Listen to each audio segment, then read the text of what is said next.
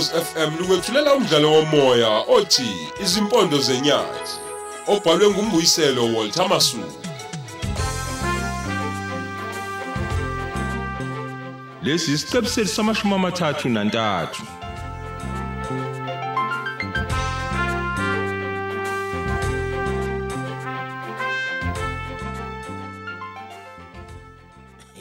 Uyazi mangethe mfowethu? Into esifanele siyenze ngokukhulu ukuphuthuma lokho Ya. ukuthengela izakhamuzi leli plaza lendawo abakhe kuyo kube yabo uqobo uyazi ngaba into enhleke leyo? Njengoba nje sizungeza le ndawo ngibona singathi ingu-1000 hectares. Ah kuhle kakhulu kuma kunjalo. Cishe lokho kungasibiza nje igidi eziyishumi. Kunjalo sibalikhulu kunjalo nje. Uyabona ke mfowethu masifike office Ya. sizobhala incwadi masinyane ethi leli plaza kufanele silithengele abahlali bakuleli plaza kube labo. Uma nje singaphumelela ukuyithenga le ndawo abasophindi nje baxakaziswa abantu bakithi. Yabona mfethu mina sungijabulisa kakhulu ukuthi nje leli plaza lisukile ebunikazini baleli ibhunu kube labahlali balapha kwafuduka. Awuloko phela sibalikhulu kungenzeka. Uma nje leli bhuni lingathi liyayidayisa dayisa leli plaza ingabe lisizile phela? Eh yabona kodwa kufanele sibe nendlela nesu lokulibonisa nje ukuba lidayisele thina phela yabana ukuze sothengela bona abantu bethu lapha. Uyabona nje sibalikhulu ukube nje la kusezimbabwe ingabe nje baliqonda ngqo bafike balitshela ukuthi alithathe impahla zalo liphume liphele njengamanje. Hayi hayi labo benza ngenye indlela nje mfowethu hayi elimaza ngisho umnotho wezwe la khona ingakho nje ubona behlupheka kangaka. Hayi khona kunjalo. Kodwa yazi inhleke lento yethu la eSouth Africa ngoba phela lento yokubuyiswa komhlaba sikwenza nje ngokuthula nokubambisana nje.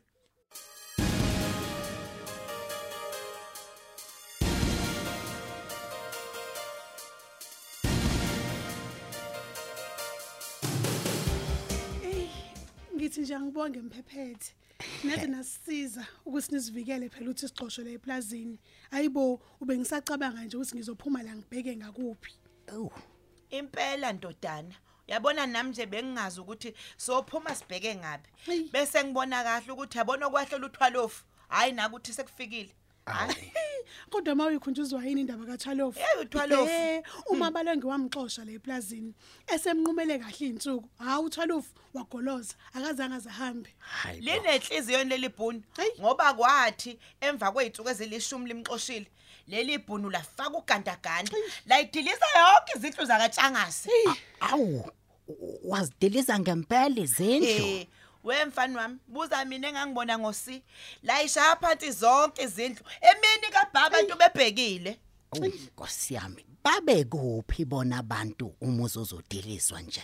Uma mthetho phela wayeseklinikhi ehlobane. Kanti kuTholofu yena wayeyophuza ingubhu le kwapelepele. Ulibele inguphu ngapha umuzi ibhunu liyawudiliza. Kwafa yonke into ngisho impahla ephakathi kwangasala lutho isiminya bheka. Hayibo ma kwakungasindani kuleyanto. Umshini kaGandaganda wavele nje wagida phezulu kwasofa ngamasondo. Hayibo angiyazi into enjeyana. Hayi wa- Asabona. wayeqale egcina.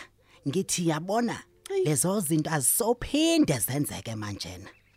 Akukho phela emthethweni ukuxoshwa kwezakhamuzi zasemaplazeni. Ewu ndodana. Ngizobhlungu obukhulu. Uma uhulumeni esekulungisile nje lokhu ukuthi singaxoshwa. Abantu baseplazini hey sebebaningi bexoshwa lapha ngenxa yokuxabana nalomlungu njalo. Ey abanye ke nje bona baxoshela ukuthi abazwani nalenduna ekuthiwa uzondo. Hey, lisho liphinde lelo mntaka goduka. Nami umzala wami uSithwempu wadingiswa lapha ngoba exabene belu naye njalo uzondo. Ey ngiyayikhumbula kamalungu Sithwebo. Umuzi wakhe la uthungela ngomlilo leli bhunu Awu, kwasho yonke inhliziyo impahla yami. yayiphakathi abangaphuma nalutho. Hayi ngiyalibonga bandla. Hayi yabona ke njengamanje sesiyinqobile impi yokuqala leyo kuxoshwa kwenu. Sesizolwelandela yonke yokuba nonke nibuyiselwe emsebenzini. We, ayi angiboni mina. Usho ukuthi uzovuma nje ukusibuyisela emsebenzini. ethande ngathandi nizobuyela nonke emsebenzini yabona lo daba sesulufake eminyangweni wezabasebenzi nabakwa CCMA Eh mina ngazi angazi ngempela ngoba phela kuyagwazwa namhlanje. Hhayi. Khuluma imali la. khulileka ke ngalapho yabona ke labo ke ha abadlali abadlali bazomtshela nje ukuba anibuyisele emsebenzini ngokukhulu ukusheshsha lokho ngoba indlela anixoshe ngayo ayikho emthethweni Ay ngiyakuzwa bhuti. Tshela mina ke ndodana. Sizoyimisa kanjani indaba yokungcwaba umntana phela umgezeni? ukukhuleka ngalapho oh, gogo khuleka ngalapho eh kufanele inhlelo zokungcwaba ziqhubeke njengoba ubona nje ukuthi sesiyinqobile indaba yokudingiswa kwenu lapha eplazini Awu, ngikulalele ndodana, ngilalele qhubeka ndodana. ehe abe- bengicela nje ukuthi umngcwabo siwenze ngawo wona lomgqibelo zayo Hawu ndodana, hawu ndodana. Hawu, awu bakithi yazi ngingabonga kakhulu ndodana. Sekuyiviki lesibili leli umntana amelele emakhazeni. Sisemakhandleleni nathi. oh kaka kancane nje bomama nampa laba sebebuya la bengihamba nabo sengiyahamba Oh, okusho ukuthi nalabo abahlala enkompolo kufanele bahambe bona. Yebo, yebo. Bengilibeke kanjalo udaba kwamanje. Kuze kube indaba yokuxoshwa kwabo iyalungiswa. Bazobuyiselwa kodwa nabe emsebenzini. Oh, eh angazi ngithi angibuze la. Kulungile yini ukuthi umpungose ezemzini wami njengoba nje sesingasahambi? Cha, cha, cha, a- a- akulungile. Akulungile ngempela. Uyabona leli ibhunu njengoba limxoshile nje. Selingambulala nokumbulala uma kwenzeka limbona nje e- e- etwice khona la emagcekeni alo. So akangenzi nje elinye icala phezukwecala.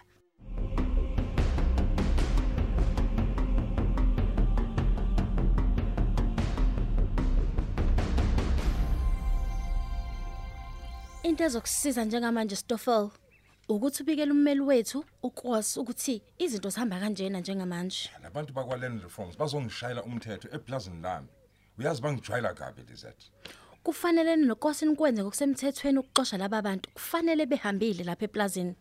hayi uqinisile lizeth kufanele sinokhosi senze isiqiniseko sokuthi bayahamba ngoba sebezongidelela kakhulu manje njengoba nje ngehlulekile ukubaxosha Yazi okunye okufanele ukubwenze njengamanje ukuxosha laba abahlala endlini zethu lapha enkompolo. Abahambe nje. ya desreg labo ngiyobakhipha namuhla ntambama ekushoneni nje kwelanga angeke ngisalinda ngisho usuku lokusasa Wenza kahle ubaxosha ntambama selishonile ilanga bengasazi nokuthi bazolalaphi ukuze bezokwazi ukuthi balale lapha endle. ya ya ngifuna bezubuhlungu labo ngokuvinjelwa kwami nje ukuthi ngixoshe asebakhile lapha eplazini lami Yazi yonke lento eyenzekayo kungenxa kaMpungosi. Uyani waletha inyunyana lapha eplazini? Yimkhuba kaMpungosi yonke leStoffel. akumpungose impungusha leyo kunjalo nje lizeth futhi angeke kugcine yena kuyogcina mina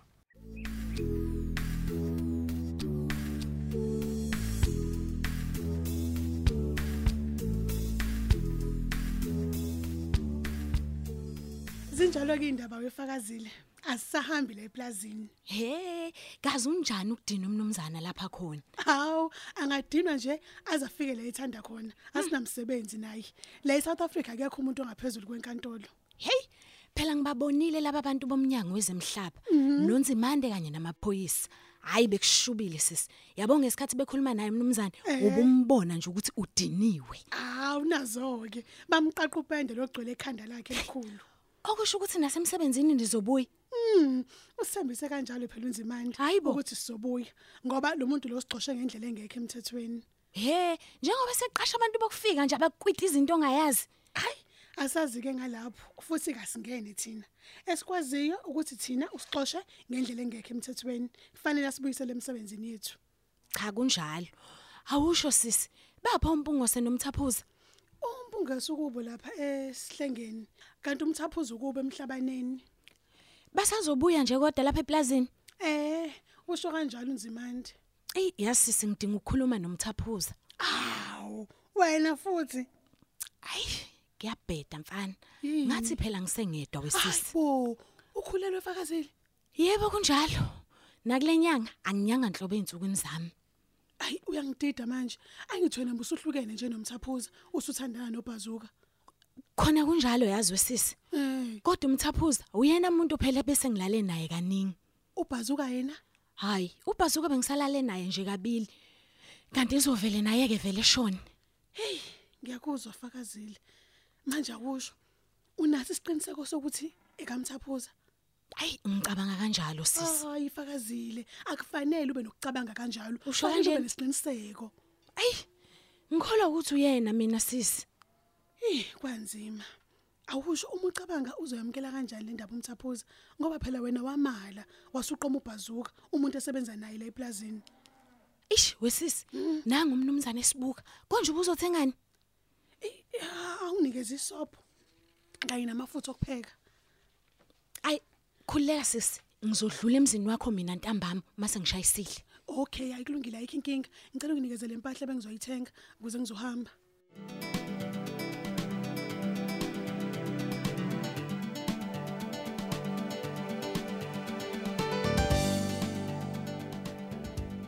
Ha.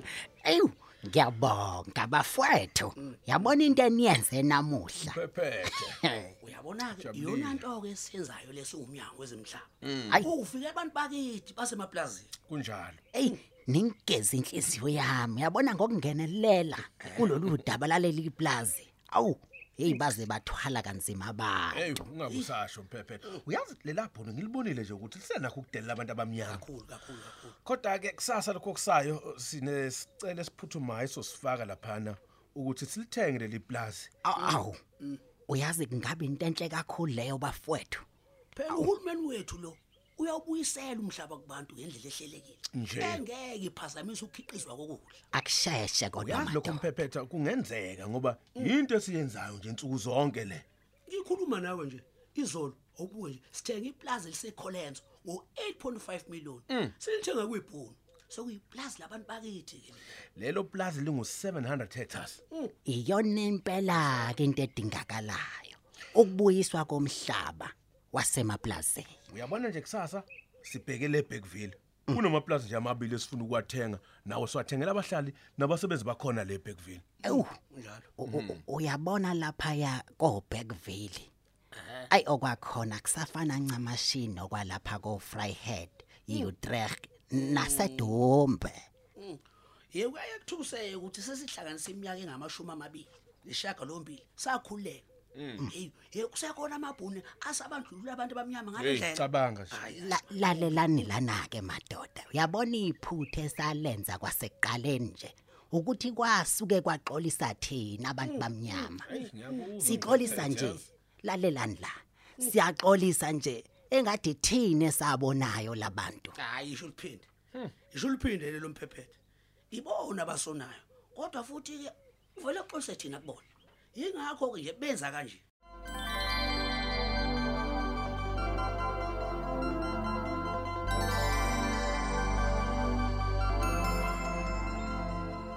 Uzophazamisa umuntu esebenza la, ha? Lutho mnumzane bengizothenga. Nazi izinto kade ngizoyithenga. Hey kade ngibonile ukhuluma lapha usu- usuka lapha ngoba usubona mina. Ngiyaxolisa ke mnumzane. Uma uzokhuluma izindaba, ungaphinde uzothenga lapha e-tuck shop yami. Siyezwana? Y- Yebo yebo ngizwile mnumzane.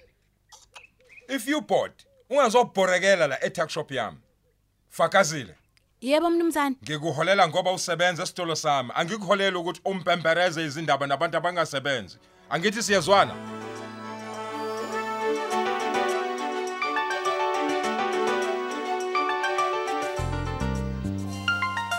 Siubeka lapho umdlalo wethu osihloko sithi izimpondo zenyathi. Qinisekisa ungaphuthelwa isiqephu esilandelayo ukhozi FM.